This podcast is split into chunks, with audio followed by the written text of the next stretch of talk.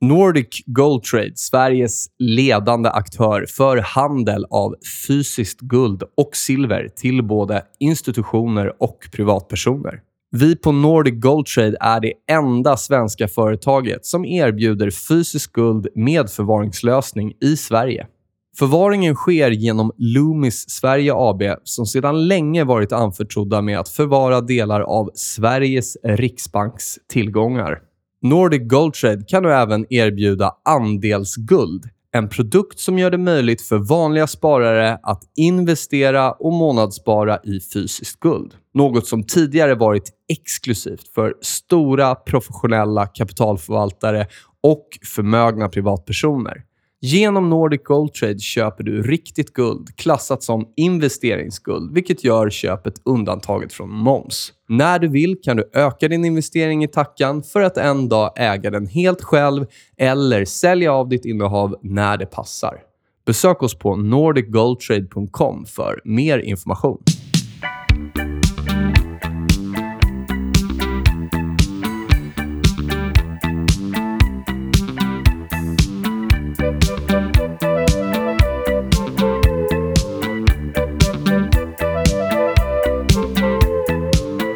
Året går mot sitt slut och nu var det dags för avsnitt 6 av vår podcast Irrational Markets. Välkommen, Kristoffer. Tackar, tackar. Känns bra att vara tillbaka här i studion. Ja, eller hur? Eller hur? Hör du, nu är vi här i, i mitten av december. Mm. Eh, vad är det? Det är måndag idag den 14, va? När Ja. vi spelar in. Släpps, släpps i natt här. Och, ja, spännande år minst sagt. Det kan man ju kanske säga om varje år, men jag tror att här, här har vi ändå liksom bockat av eh, ett par större rörelser i år, va? Ja, det såg ju, var ju lite mörkt i våras. Eller i senvintern där. Och sen så ljusnade det i alla fall om man tänker börsmässigt. Mm. Eh, och det har ju också spelat av sig lite hur det har rört sig på marknaden och liksom var det har rört sig, vad kapitalet har pumpats in och så vidare. Eh, och vi kan vi börja med, om vi inte börjar med börsen, utan vi pratar kanske lite venture capital, så kom, det finns ett bolag som heter Atomico.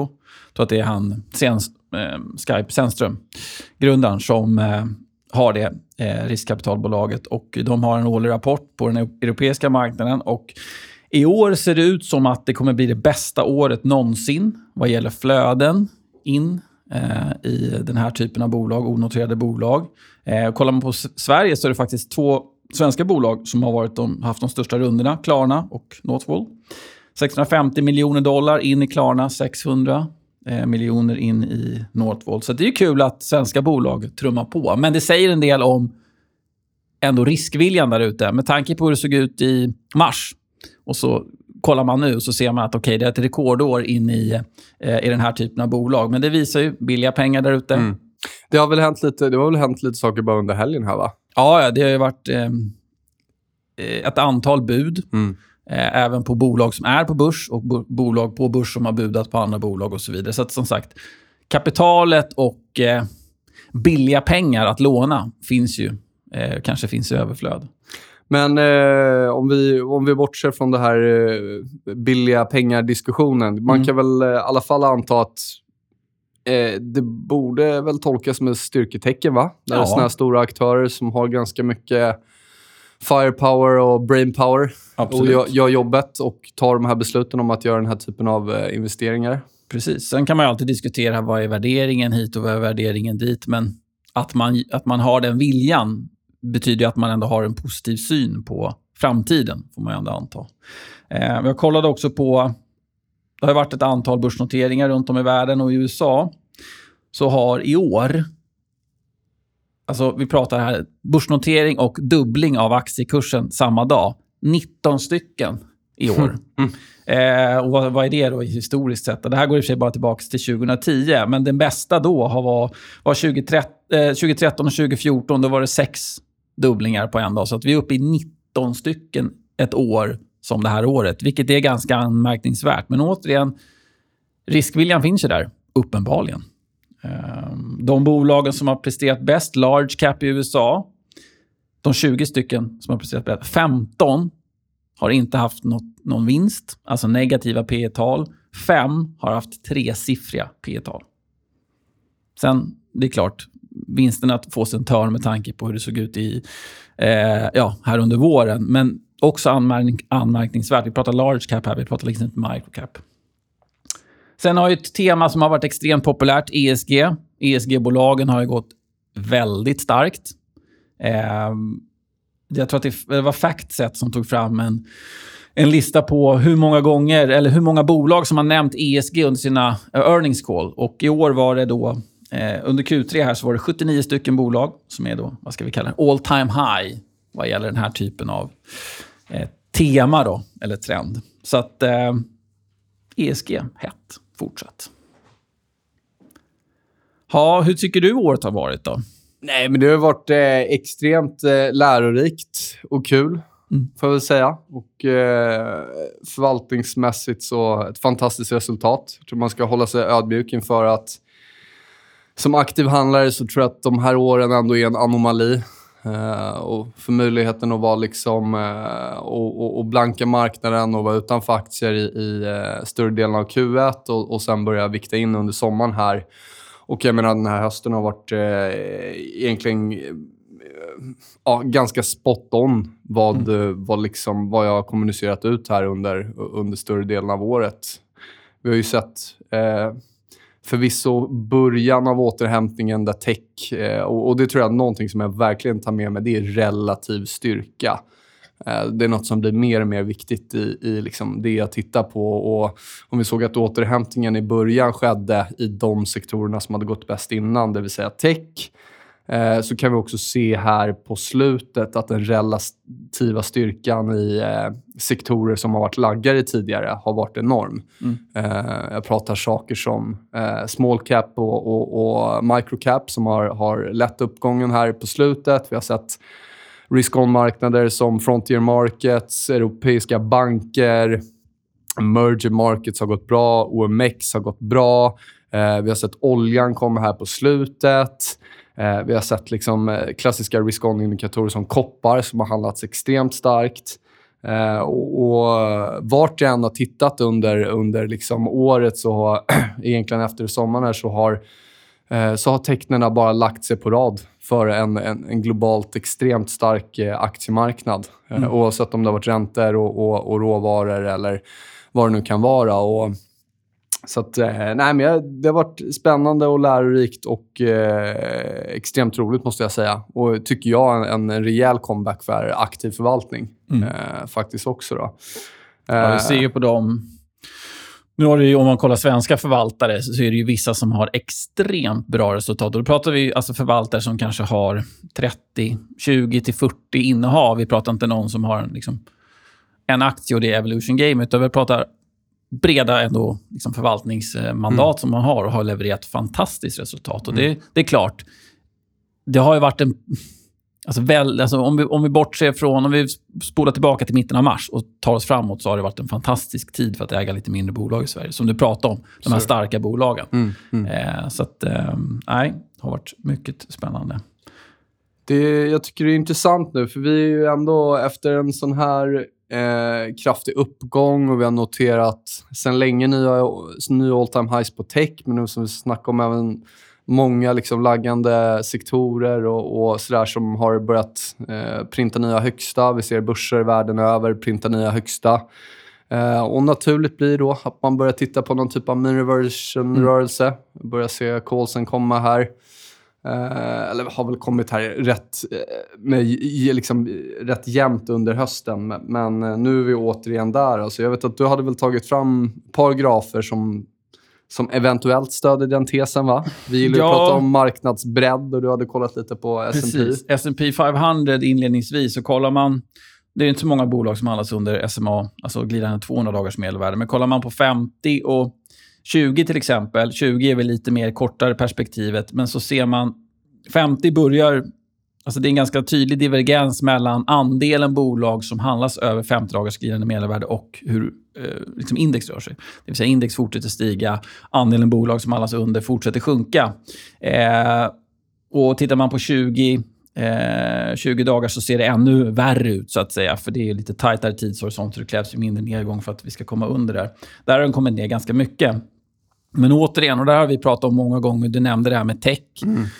Vad, vad, som driver S&P eh, och alltså de stora indexen i USA har ju varit mycket tech. Det här var S&P 500, alltså de 500 största bolagen. Vi pratar andelen bolag, så det är inte viktat på något sätt. Och kollar man S&P 100, då är det fortfarande liksom de tio största S&P det är de som egentligen dominerar. Men där ser man inte alls samma typ av divergens på alltså andelen som handlas under medelvärden respektive prisriktningen i grafen. Så det säger ändå att de lite större bolagen fortfarande håller styrka. Mm. Även fast de kanske inte har gått lika starkt som annat, så håller de fortfarande styrka. Eh, jag kollade också på Nyse. Det är 3000 bolag ungefär. Och Där ser det ut som för S&P 500, det vill säga att där trendar det ner ganska mycket på andelen som handlas mm. över de här medelvärdena. Så där har vi också den här divergensen. Men återigen, vad gör de stora bolagen? Vad gör tech? Mm. Det är ju det som är viktigt om man är intresserad av den breda indexanalysen. För att Får vi en stor sättning i S&P eller Nasdaq, ja, men då kommer det spela av sig på hur det går i Sverige till exempel. Så är det ju. Även om microcap och small cap, som du var inne på, ändå går ganska starkt. Ja, alltså jag tycker på slutet, är mer, för mig är det ju mer än... Eh, eh, har varit ett spel på storlek på bolagen än en eh, sektorrotation. Ja, ja. Eh, I somras då var det inte bra att det var tech som ledde, för att det var bara de bolagen, ja. sa bäsarna. Det är för höga värderingar. Ja, exakt. Det var inte bra. Eh, mitt resonemang har varit sedan i augusti att liksom, det är inget konstigt att de bästa målgörarna står för de mesta målen. Sen så började sektorrotationen komma och under egentligen augusti till slutet av oktober så handlades eh, Nasdaq sidledes.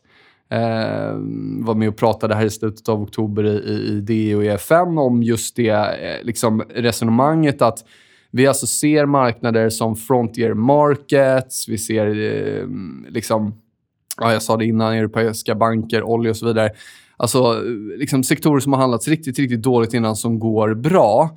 Eh, vi ser midcap och microcap och small cap börja ta över och leda. Eh, liksom, det är ju någonting som vi ser i positiva marknader. Alltså att förvaltare sitter och väljer vilka sektorer vi ska köpa aktier i, inte blanka aktier i. Eh, så jag tror man ändå måste bestämma sig för att att har vi ett latent köptryck, har vi kapital världen över som flödar mellan olika risk-on-indikatorer eller risk-on-råvaror eller till exempel att pengar flödar ut från amerikanska tioåringen, då är det ett generellt starkt börsklimat. Och jag ser liksom ingen, ingen förändring på, på det nu. Uh, jag, jag, vet inte vad det är som skulle uh, säga just nu att Eh, det är extremt osunt att, kapitalet eller att de här lite mindre sektorerna har börjat leda. Ehm, visst skulle vi se liksom en stor förändring i hur räntor handlas eller olja och koppar börjar vika ner kraftigt. Eh, det var ju, jag tror att det var exakta botten var här på den senaste dippen, eh, tror jag var 30 oktober eller något sånt där. Och då såg vi inga indikationer på de här andra eh, liksom internals som jag gillar att titta på, att det, att det var något stökigt. Så att, det är klart att det kan hända, men, men eh, återigen, nu, nu, nu, sitter vi här. Liksom. Vi har varit i en historiskt dålig period, eh, om man kollar säsongsmönster, som ändå har gått sidledes eller till och med bra i många sektorer. Vilket borde indikera då att den här fortsättningen, som ska vara relativt bra enligt eh, säsongsmönster, eh, borde fortsätta bra. Då. Så att, eh, eller jag tror att något som blir viktigt är valutan. Där tror jag att det, det är någonting som jag kommer hålla och har hållit koll på senaste veckan här för att titta om vi kan få en eventuell liksom, mini-reversion-rörelse ner på index. Eh, men jag ser ändå inte det hända. Jag tycker nu att nu stängde liksom eh, dollarn svagt igen och öppnade upp eh, eh svagt här i, i natt. Eh, och Det ser ut som att i princip varje studs upp i dollarn så, så kommer säljare tillbaka. Mm. Så att du har egentligen varken råvaror, räntor eller valutor som indikerar någon typ av eh, risk-off. Eh, du har megacap som förvisso inte kanske har ledit marknaden, men de har absolut inte kraschat, som du säger. Eh, du har klassiska risk-on-sektorer som, som levererar riktigt, riktigt bra. Eh, och tills den tesen liksom är, är bruten så kommer jag fortsätta att handla på det. Mm. Eh, se, ser inte det... Jag ser inte den här recessionsscenariot nu då. Eh, överhuvudtaget i graferna. Nej. Och om vi ska prata... eller IT, eller tech, står ju för 30% ungefär av S&P, en väldigt stor andel. Och kollar man på ja, till exempel den största ETFen där, Vanguards, eh, som riktar sig mot techsektorn, så har vi, alltså för att vi ska bryta Alltså för att vi ska komma in mer i negativ trend, mm. tekniskt sett, så pratar vi en nedgång på ungefär 15% i den ETFen utifrån var vi befinner oss just nu. Så den har handlats i en ganska stor trading range här sen ja, toppen i, vad har vi där, september någon gång tror jag. Eh, och befinner sig fortfarande, har inte brutit ur, men befinner sig i den övre delen och nedre delen i det training race är ungefär 15% ner. Så bara för att det går ner 5% så betyder det inte att vi liksom, oj, nu är det negativ trend. Det är en ganska stor rörelse som krävs rent tekniskt för att du ska bryta viktiga stödnivåer, handla under viktiga mm. medelvärden och så vidare för att liksom definiera att det är lite mer negativ trend. Så det ska man ha i åtanke. Jag gillar att titta på, men till om vi bryter ner tech i ännu mindre sektorer kan vi kolla på till exempel cloud, den heter förkortning SKY, SKYY. Eh, har brutit upp sen länge. Vi har FDN som är en internetfund som jag gillar mm. att kolla på. Den också precis nu bryter upp. Du har software, eh, XSW, har brutit upp. Så att det, det, är ju det är många av de här man säger, delsektorerna av tech som faktiskt eh, gör nya högsta. Ehm, så, så, att man inte bara tror att det är bara FANG som är tech. Nej. Uh, för jag tror till och med att det är fler bolag i FANG som inte faktiskt kommer in i... i, i Renodlade tech, nej, nej, nej, som är communications och så vidare. Precis, precis. Ja.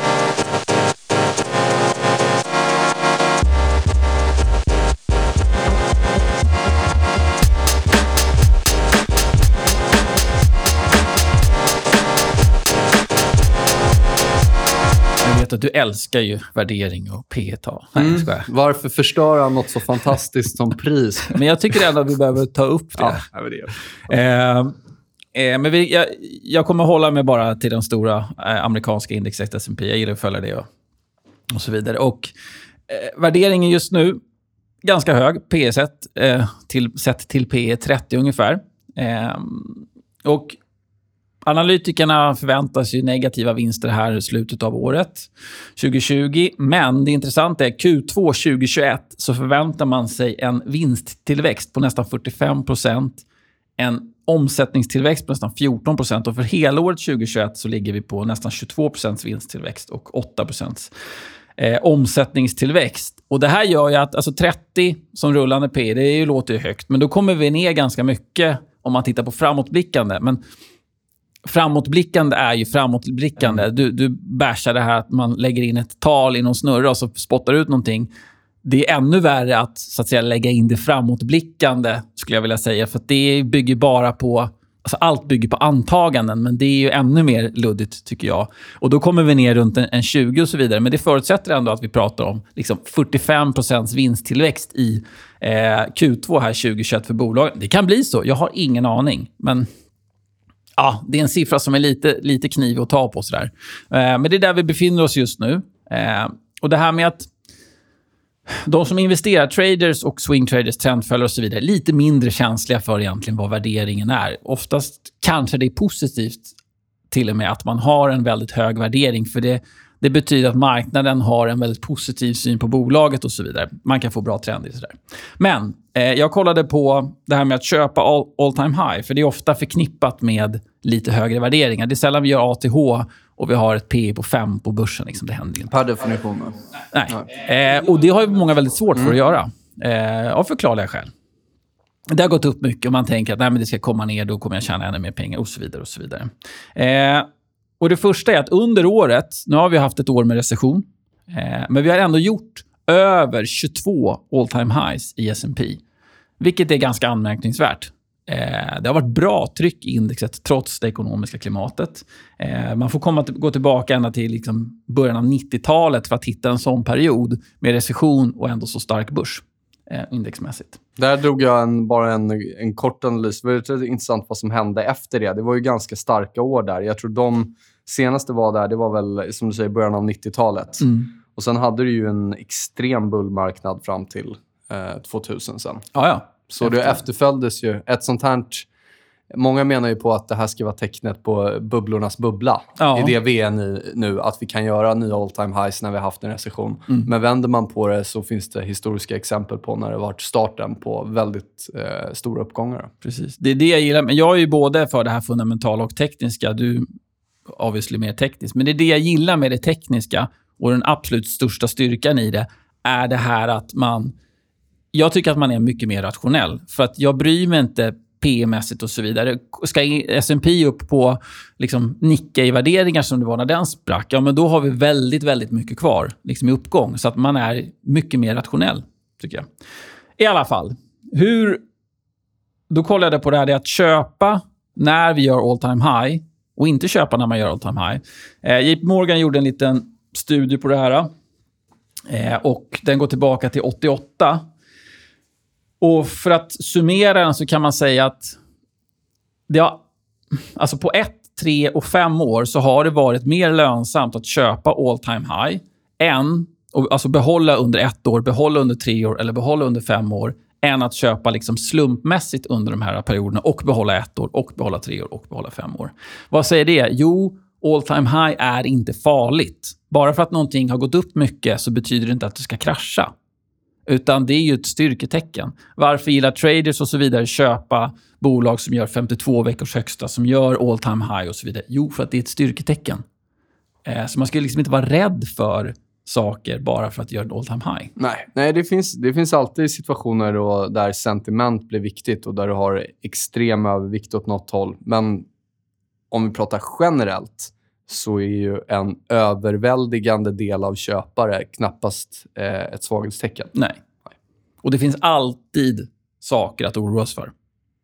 När vi gör all time high och när vi gör all time low och så vidare. Det finns alltid någonting att oroa sig för. När börjar bear markets? Börjar de i, vid nya all time highs? Ja, okej, man, kan, man kan dra resonemang att det gör det, men om vi generellt tittar hur när riktiga krascher startar, då är det snarare från översålda lägen. Ja, precis. När någonting är Absolut. översålt och du får den här riktiga eh, kraschen neråt, Precis. snarare än i ett överköpt läge. Jag har ju nämnt det, jag har ju pratat om det, men jag gjorde, kollade ju för väldigt länge sedan hur börsen rör sig när den handlas över vissa medelvärden. Och de i princip största krascherna, största nedgångarna har, har skett när vi har handlats under långa medelvärden. Och vi kommer inte ner under långa medelvärden utan en stor nedgång först. Eh, så att, eh, helt enig.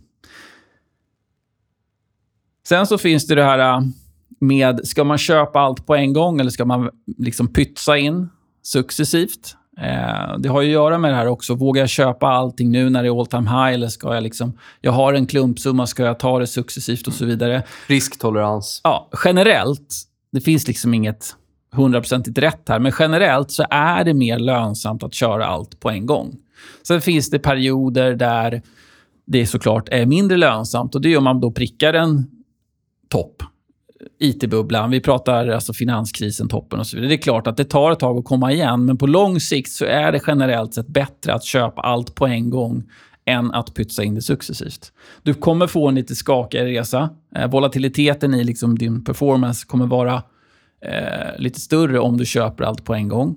Eh, men det långsiktiga resultatet, även om man köper när marknaden är dyr som den är nu, kommer vara bättre versus att liksom, eh, pytsa in sig under två års tid. Att man har en, inte vet jag, en miljon och så, så pytsar man in den under två års tid. Så kommer det vara lönsamt att köpa nu. Men jag tror det har mycket mer risktolerans och volatilitet Ja. att göra. Men det, det jag tror är viktigt är att om man använder en insnittningsmodell, då har man ju inte samma behov av att, han, att ha eh, risk management, eh, tydliga riktlinjer för risk management Nej. kanske. Men däremot så går man på det andra, så i de fallen där man prickar eh, extremt fel, då har man inte någon typ av risk management-tänk, eh, prisbaserat då, inte värdering. Eh, för att då blir allt som är billigare blir attraktivare. Men har man inte det, då kan man ju ha jä jäkligt otur. Och tyvärr är ju investeringar, tycker jag, mer en spel på Eh, inte på snittet då, utan på, på svansarna. Så att... Eh, Nej, och det handlar ju om att man måste vara bekväm i det. För att om du köper allt nu mm, och sen så går det ner lite och så säljer du och så liksom du blir rädd, ja, men då har du ju... då har man ju satt det tänket ur spel. Så att lika viktigt att kunna hantera det mentalt, mm. och det har vi pratat om jättemånga mm. gånger, som att liksom faktiskt göra det. Mm. Och på samma sätt som att, att man, om man då väljer att, så att säga, snitta in sig med den här klumpsumman, ja men då ska man också snitta in sig när vi har ett, vi säger finanskrisens scenario, eller vi har ett it-bubblans scenario, att liksom hela tiden köpa. Och det är ju inte så många som klarar det heller. Eh, så det är... Eh, men det var ändå intressant eh, att så pass ofta mycket mer lönsamt att faktiskt trycka på gaspedalen direkt.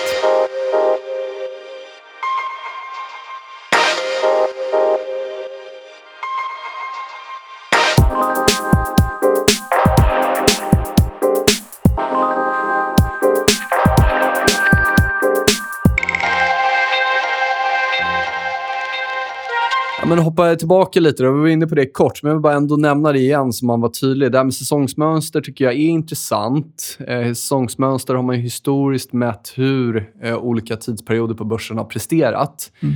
Det som gör mig intresse extra intresserad av säsongsmönster, det är när jag ser avvikelser från det historiska mönstret. Eh, och en utöver äh, de här andra sakerna som jag pratade om med, med att globala eh, liksom, eh, datapunkter visade på, på en underlyckande styrka här sen i somras. Så en sak som har gjort mig liksom ännu mer positiv under hösten, det är just att vi ändå har presterat så pass bra som vi har gjort under en historiskt dålig period. För då får vi den här liksom avvikelsen från det historiska, något som, som bör göra en intresserad. Då. Eh, återigen, om vi eh, upprepar det här, och då är det ju inte så att allt behöver eh, gå spikrakt upp. Men det vi såg, tendensen vi har sett här i höst, är ju att tidigare ledan tech eller megacap har handlats mer sidledes medan andra laggande indikatorer har handlats extremt starkt och framförallt sådana riktiga risk-on-marknader. Eh, så, så det tycker jag är intressant. Och Det kan man vända på och säga också att skulle vi se då en kraftigt avvikande rörelse från ett historiskt mönster eh, där eh, index handlas extremt eller svagt kontra den historiska mönstret, då är ju det någonting som kanske skulle göra en eh, lite orolig. Mm. Att vi ser att, liksom, att det finns en, en, klar avvikelse mot historiken. Hur, du, du gjorde ju lite körningar här på säsongsmönster. Ja, jag kollade. Det här är då S&P återigen. då känns som det enda man kollar på. Men eh, det här är tillbaka till 90. Och då har december varit, nu är vi i mitten av december och det har väl varit en helt okej månad. Det har varit en av de starkaste månaderna faktiskt. Eh, från 90 fram till 2008. Sen kollade jag också från 2008 och framåt när liksom centralbankspengarna började pumpas in. Eh, och se om det hade någon effekt på liksom säsongsmönstren. Inte på december egentligen. Där är liksom 77% av månaderna positiva under den perioden mot då 90 till 2008. Då var det 79 procent, lite starkare. Men december har varit en, en stark period oavsett. Men nu, nu ska man komma ihåg att från finanskrisen framåt så är det inte lik, så många perioder att kolla på. Men där är faktiskt januari den svagaste månaden för S&P eh, under hela den perioden. Sen om det kommer bli så 2021, ingen aning. Men historiskt så har januari varit den absolut svagaste månaden för S&P. Det kan vara bra att hålla lite koll i januari då. Ja, och som sagt, innan, alltså om man kollar 90 till 2008, då var inte januari den svagaste månaden. Nej. Det var någonstans mitt emellan. Men från 2008 fram till idag så har januari varit den absolut svagaste månaden. Vi fick ju, om vi bara tar i år, det var rätt intressant. För att vi började i januari väldigt starkt och handlade mm. bra. Eh, då jag fick mina säljsignaler på index eh, var faktiskt sista veckan i februari, just den stängningen. För den handlades ner ganska kraftigt, eh, stängningen, kontra vad som hade hänt eh, liksom tidigare i månaden. Och Det där tycker jag är jätteviktigt. Det vi såg då var faktiskt att koppar och olja började sälja av ganska hårt. Eh, tog du och kollade på eh, lite smalare sektorer som small cap, du hade industrials och mycket annat som, som, eh, som började faktiskt, inte gjorde något nytt all time high utan började toppa ur där. Eh, och Det är något som jag kommer försöka hålla koll på i år också då, i januari. Just för att känna av lite flavorn. Ser mm. vi att vi börjar se kanske en stark start på januari eller vi börjar se saker som liksom poppar lite under huven. Att, att eh, vi ser lite... För, för sen var det verkligen... Jag tror man hade tre veckor i, i februari sen när breda index gick eh, upp på nya all time highs medan det andra fortsatte att se negativt ut och sen kom smällen. Så där, jag brukar ofta få den frågan. Jag, jag är ju egentligen... Jag vill inte vara, hålla på och liksom skrika om en mini-version eller en rekyl ner hela tiden. Men är det nåt vi ska kolla på? För det är en fråga som jag får jätteofta. Då är det just den typen av tendenser. Då. Eh, så återstår att se om det kommer. Eh, det kanske är så att vi handlas väldigt starkt i januari. Eh, Who knows? Eh, nu tror jag, om vi tar då... Eh, ja, december har ju varit en historiskt stark månad. Eh, januari ganska svag. Vad tror vi om det här eh, tomterallyt då?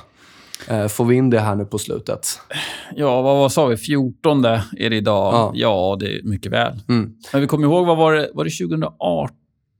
2018 När det blev- sålde vi av hårt Ja, under då, då december. kom ju tomten sen på julafton. När, Ja, ja, nästan senare. Jag tror det var, typ det var två 26. sista Ja, handelsdagarna. ja. Det blev ju en riktig sån flash crash, nästan sån margin call-rörelse där vet jag. Både i oljan, i high yield. Det var riktigt stökigt de det. eh, Ja, det sista var vändningen veckorna där, Trump piskade på. De var tvungna att ringa runt till alla banker. Ja. och Jättemycket konstiga grejer. Men sen så studsade det Ja, och sen gick det ju...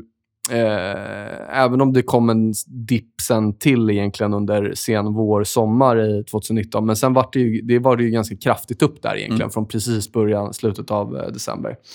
Eh, och Det ska man väl också kanske ha med sig om man handlar att det är ju sämre likviditet under juldagarna och liksom där. Så att man, det, det kan komma stora rörelser eh, åt båda hållen, Mm. ska man säga. Ska vi komma in på lite, prata lite nivåer? Jo, Det blir lite, lite TA-special idag, så brukar vi alltid eh, bli efterfrågade och prata om våra nivåer. Jag vet att du har ju kollat på OMX till att börja med. Vi börjar på hemmaplan. Vad ser Ja, du? precis. Ge mig prognosen. exakt. OMXS30, om vi börjar där, ser fortsatt ganska starkt ut. Visst, vi har kommit ner efter vi gjort en ny, ny topp, sådär, men det är ingenting som signalerar att det liksom är fara färde än. Jag har en intressant nivå som jag håller koll på runt 1860. Ganska nära. Nu vet jag inte. Jo, men vi är uppe då, va? Eh, eh, hyfs, inte speciellt långt ner dit, men det är väl första stödet sådär, som jag håller koll på. Eh, vi har ju haft en, som jag brukar kalla det, kraftig momentumrörelse sen vändningen. Och vi har varit nere och petat under det medelvärdet som möter upp där. Jag tror att det är nio veckor. och liksom, Sen studsade vi tillbaka. Men får vi en stängning under den nivån, det här är veckografen, så kommer jag vara lite mer försiktig. Eller hålla lite mer koll. Fortfarande ingen så här äh, alarmerande, men det är ändå en indikation på att den här momentumrörelsen behöver andas lite. Eh, sen har vi en trendlinje från botten då i, i mars eh, som möter upp eh, just nu runt 1800 om vi pekar rakt ner eller strax där under. Så det är väl de nivåerna jag håller koll på. Men Det känns lite som konsensus vi nu är, jag bara pratar fritt här nu, att vi ska ha den här eh, mini-version-rörelsen ner där. Eh, jag läste, eh, inte säga någon namn, men jag läste någon som pratade om ja, det svaga makrot som kommer in här nu från svenska småbolag och det borde ge OMX ner 5 okej. ja, Det var till den där tekniska nivån. Jag tyckte det var Jaha. en, rolig omskrivning hur... Ja. Ja. Anywho. Nej, men, men, tittar man också på det lite bredare, alltså OMXPI, Mm. eh, så är, ser det faktiskt starkare ut Mm. eh, än OMX. Det är ingen jättestor skillnad, men där håller vi oss fortfarande över de tidigare toppnivåerna. Ehm, Jag, jag, jag tycker liksom att eh, så här, nu, nu fick vi den här dippen ner till 1700 igen. Man fick möjligheten att komma in. Vi har nu tagit ut nya all time high 1900, absolut kortsiktigt viktig nivå. Men eh, jag menar, det är ju verkligen så att vi inte är i någon har varit i någon liksom, gigantisk bubbla över de senaste åren. Vi, Nej, nej, vi, nej. vi är ju inte långt över de topparna, eller den här 1700-nivån som har varit någon typ av liksom, mittpunkt i många, många år. Och det är som du sa, Mm. det, eller som vi pratade om förut, det man, eller kanske var innan vi började Mm. spela in, att varför har det gått som det har gått? Jo, för att man har en positiv syn på framtiden. Mm, mm. Så att liksom, nu börjar med vaccin och så vidare. Nu börjar man ju tänka sig att det ska återgå så att säga till det normala. Och om det återgår till det normala, ja, värderingsmässigt, vinstmässigt och så vidare, men då är vi inte på några konstiga nivåer. Så att... Eh, Nej. Så att, eh, ja. Nej, men jag, tror, jag har haft 2000 som målnivå det är ju i år. Vi får se om vi får in den. Eh, Det kan ju komma i januari också, men jag vet att typiskt sånt här läge att det, det kan faktiskt redan ha varit eh, en max fear vi såg här på den här lilla dippen nu eh, förra veckan. Jag tror vi tog oss ner till 77 eller något sånt där. Så att är vi över 1900, men då är det ju 2000 som är nästa stora nivå, eh, tycker jag i alla fall.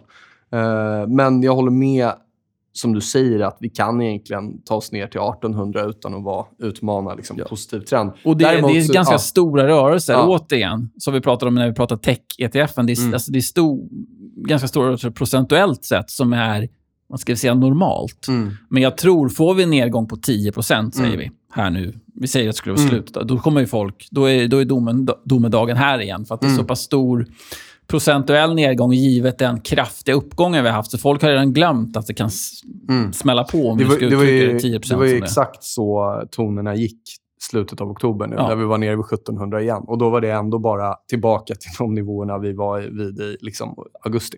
Och det är också grafmässigt. Det ger ju liksom en liten så sanity check. Alltså, kan vi få de här uppgångarna? Ja, men det är klart vi kan få nedgångar. Det är så börsen funkar. Liksom. Allt kan inte bara gå spikrakt upp. Hoppa över på USA då. Breda S&P 500, printa nya all time highs, veckografen, dagsgrafen, månadsgrafen. Eh, ser, tycker jag, ser starkt ut där också. Eh, och det som varit eh, intressant är att nu börjar även eh, Nasdaq eh, formera sig för ett utbryt, tycker jag. Jag tror vi stängde faktiskt förra eh, veckan här över de här tidigare toppnivåerna. Eh, vet inte om du tycker något annorlunda där? Nej, jag håller med. S&P har ju varit, återigen det här med tech och vad Mm. är tech och inte. Eh, det ser vi att Nasdaq har ju faktiskt laggat S&P en del senaste tiden. Eh, S&P ser ju mycket starkare ut rent tekniskt, men Nasdaq är ju precis upp och nosar där. Så att Mm. får vi ett brott av eh, motståndet där vi precis handlas, eller strax därunder, så ser det ju tekniskt väldigt intressant ut. Så att, eh, håller med. Guldet haft det lite tuffare. Eh, fick en bra studs här från 1800 och det är den nivån som jag håller koll på när det gäller guld prissatt i, i dollar. Då. Så är vi över 1800 så, så ser det bättre ut. Men eh, skulle vi halka under där då, då har vi nog utrymme att ta oss ända ner mot 1600. Eh, Något sånt då. Så att, men det, det är lite... Just nu så, eller det har varit senaste månaderna, har ju basmetaller handlats betydligt bättre. Jag menar, koppar har varit en relativ vinnare mot guld till exempel. Eh, Så Absolut. det är frågan om, om det kommer fortsätta det spelet. Och det är också liksom en ganska hälsosamt tecken tycker jag på en stark aktiemarknad att koppar handlas bättre än guld. Men eh, det, är väl de nivåerna på kort sikt jag tittar på. Under 1800 så finns det nog mer nedsida i guld. Mm. 1750 har jag som första sedan 1680. Faller vi ner under 1750, det är lite så här, då är det lite varning för mig. Ehm, då ser det ganska svagt tekniskt ut. Det är medelvärden, det är ett viktigt stödområde och sådär. Så att, eh, men intressant läge guld. Det fick ju en väldig pop där och sen har det bara trendat ner och trendat ner och trendat ner. Så vi får se. Eh, guld, ska vi prata silver då kanske också? Det kan ju vara lämpligt. Det tycker jag. Hyfsat lik rörelse, va?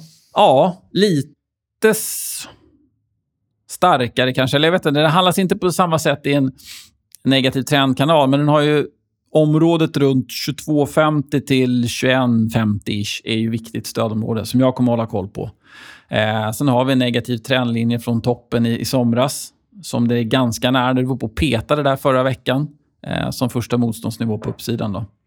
Eh, men även den är intressant, skulle jag säga. En annan metall är ju koppar. Vi var inne på det lite innan. Och ett aktiesektor-case som jag haft i år, det är ju emerging markets. Så de där två gillar ju varandra. Eh, brukar Mm. handlas ganska sidledes. Så vi har sett faktiskt emerging markets bryta upp mot ett nytt all time high. 12 års konsolidering och även koppar är inte uppe på ett all time high, men de har gått extremt starkt. Jag tror vi är upp 30 bara på ett par månader här.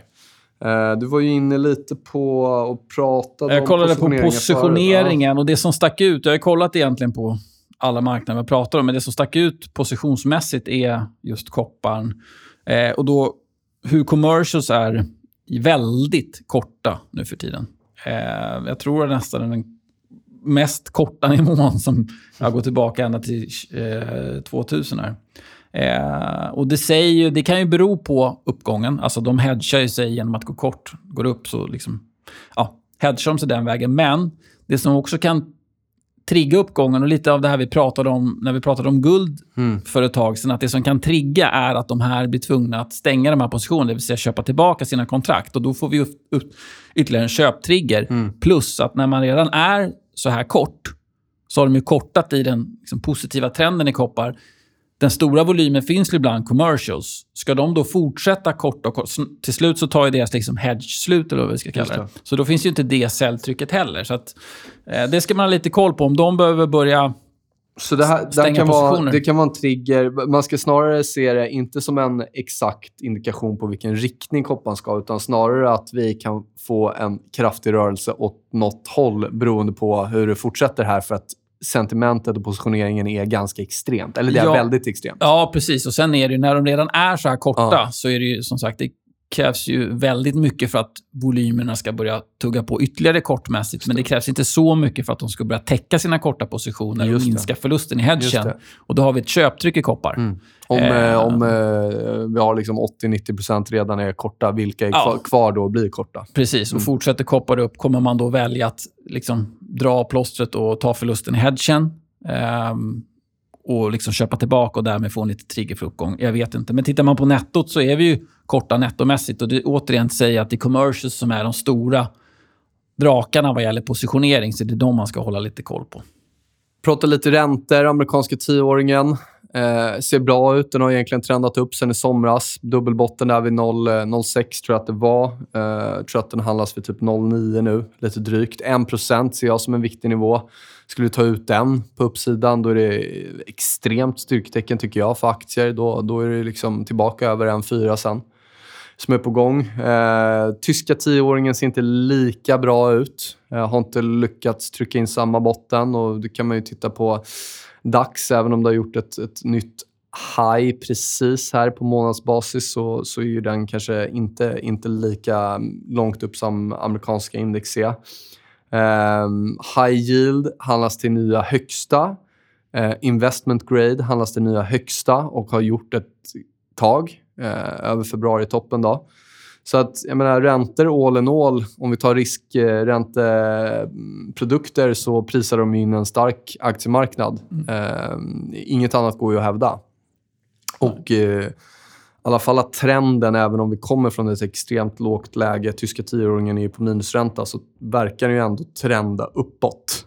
Ja, lite i alla fall. Att räntor stiger. Ja. Har du någon, eh, någonting att nämna kring räntor där? Nej, det jag tror att det kan bli en lite, som det har varit förut, går det för... Om vi nu skulle få ett scenario där räntorna börjar ticka ganska kraftigt, då tror jag mm. att det kommer vara en stressmarknad. Som det har varit tidigare, med tanke på all belåning och alla såna här saker. Um, Fast så att man kan bli lite ja. orolig då. Men när det hände, när, när, när räntorna gick starkt sist, eller när, de, när det blev ett, ett svaghetstecken för börsen, det var ju att räntan toppade ur. Det var ju hösten 2018 var det bästa exemplet. Då var det ju vid 3,25. Mm. Att den började vända ner mm. därifrån. Så att, Kortsiktigt tror jag ändå att det kan bli en... Alltså en går det för fort, och det ser vi också det här med när när Fed börjar signalera att Nej, men nu ska vi dra ner på stöd. Alltså det, det finns en tendens i marknaden att man börjar tänka i de banorna så blir mm. det lite oroligt. Alltså på kort sikt så tror mm. jag, men då, då ska vi ha en kraftig rörelse på uppsidan i räntorna och den ser jag inte riktigt att den är här just nu. Men... Nej. Ja, jag, generellt, utan att göra det för krångligt, så generellt tycker jag bara att när räntor stiger så tenderar aktier att stiga också. Generellt Allt är det positivt, absolut. För det är ja, ekonomiskt positivt och så vidare. Om vi tar valutor då. Eh, dollarn är, tror jag, jätteviktig. Jag tweetade en del om det förra veckan. Jag tror fortfarande det är extremt viktiga nivåer här, men det, vi, vi fick inte in någon stark stängning för dollarn. His, eh, dollarn för mig, risk-off. Eh, valuta. Eh, USD-SEK är liksom en bra bit under 9 spänn. Vi är nu till och med nere under eh, 8,5 som var ett kortsiktigt stöd förra veckan som jag satt och kollade på. Så att så länge vi inte tar oss upp över 8,5 igen så ser det riktigt svagt ut, tycker jag. Eh, Eurodollar över 1,2 eh, eller ja, är där kring nu precis. Som har varit en, en nivå som du och jag har kollat på sen mm. vi började jobba tillsammans, tror jag, de senaste fem åren. Eh, vad har vi mer? Dollarindex under 92, också en viktig nivå. Så att, eh, alltså den långa trenden, jättesvårt för mig att hitta eh, några grafer. Det kanske skulle vara dollar yen då, som fortfarande håller ihop hyfsat. Men, men eh, eh, ser jäkligt svagt ut för mm. dollarn mm. i de längre trenderna. Och i dollar yen så är det ju, den har ju nu är det veckografen där, men mm. det, det stödet som är runt 1,0460-ish mm. har vi ju handlats under ett par veckor nu. Vi gjorde någon spike upp, men mm. Det enda svåra med dollar yen tycker jag, det är att i det valutaparet så brukar det snarare vara när dollarn stärks som det är risk-on Mm. än risk-off. Mm. Ja, det är den vi Tvärt pratade om allt förut. annat. Det är den liksom har varit liten- lite konstig. Den är, ja. Eh, Och sen kan man säga också att när dollarn har försvagats mot allt annat så står den ändå kvar på samma Ja. nivå som den gjorde tidigare i våras. Här. Så att det kanske är lite mer en, eh, en anomali, eller vad man Mm. ska kalla det. Då. Men eh, generellt så ser ju... Ja, det ser tufft ut för dollarn. Absolut. Ja.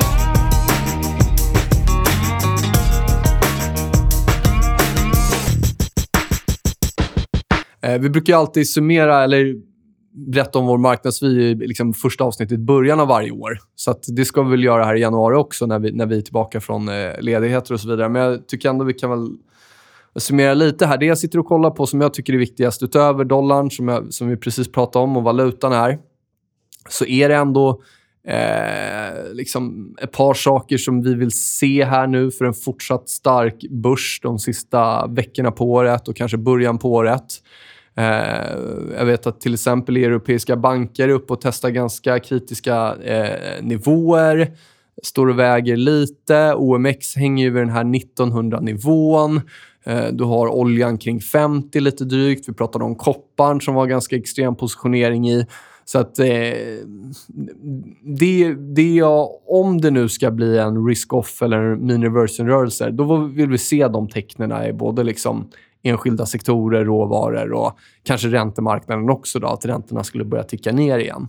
Eh, så det ger väl en liten heads-up här. Och, och också eh, hastigheter på rörelserna tenderar så att liksom accelerera i december, efter, vart eftersom att volymen eh, försvinner. Och det är ju så att många fund managers som du pratade om och förvaltare har haft en väldigt bra performance i år. Så det, det är ju, kan, man kan tänka sig att folk eh, nöjer sig. Absolut. Eh, och Då kan man få rätt kraftiga rörelser åt båda hållen. Då. Så det vill jag ändå liksom lägga in en liten, eh, liten braskis för. Har du några grejer som du sitter och tittar på lite extra så här inför slutet av året? Och- Nej, mer att det är just du säger att det kan bli ganska kraftiga rörelser. De positioner jag har som är mer kortsiktiga har jag tajtat till stopparna på ganska mycket på senaste tiden. Och det har jag gjort under några veckor nu. Eh, men det har ju fortsatt trenda ganska bra. Sen åkte man på några stoppar här nu när ja, de positionerna är lite mindre bolag och vi hade ju den så kallade sektorrotationen här Just det. för ett tag sedan. Eh, men där har jag gått in i en del nya positioner i och med att styrkan har kommit tillbaka. Men fortfarande väldigt tight. Alltid tight på riskkontrollen i den typen av positioner. Men ännu tightare nu skulle jag säga. Och åker jag på stoppen, ja, då är det bara att fortsätta kolla. Kommer en ytterligare köpsignal till exempel vid en ny topp, ja, men då får man gå in i positionen igen. Men vara ödmjuk inför att det kan gå fort på nedsidan. Då vill jag inte sitta fast i någonting. Liksom. Bra. Har ni frågor, funderingar eller vill komma i kontakt med oss så går det bra att mejla eh, till irrationalmarketspodcast@gmail.com. Man kan messa mig eller lägga till mig om man vill ha lite kortsiktigare uppdateringar på Twitter. En Brobacke eller eh, Nils Brobacke kan man söka på också. Eh, ja, det är inte så mycket mer jag har att säga. Kul att och, och få prata igen, Kristoffer. Det var länge sedan vi körde eget Ja, avsnitt. Ja, Eh, Så att, nej, det blir roligt. Och sen om ni har några gäster ni tycker vi ska ha som inte syns överallt. Vi försöker ju hitta de som kanske inte syns överallt hela tiden. För man vill gärna höra vad andra säger också. Eh, Så mejla. Det får ni gärna göra. Och så önskar vi ett, eh, en bra avslutning på året här också. Hej Ha då. det gott. dance.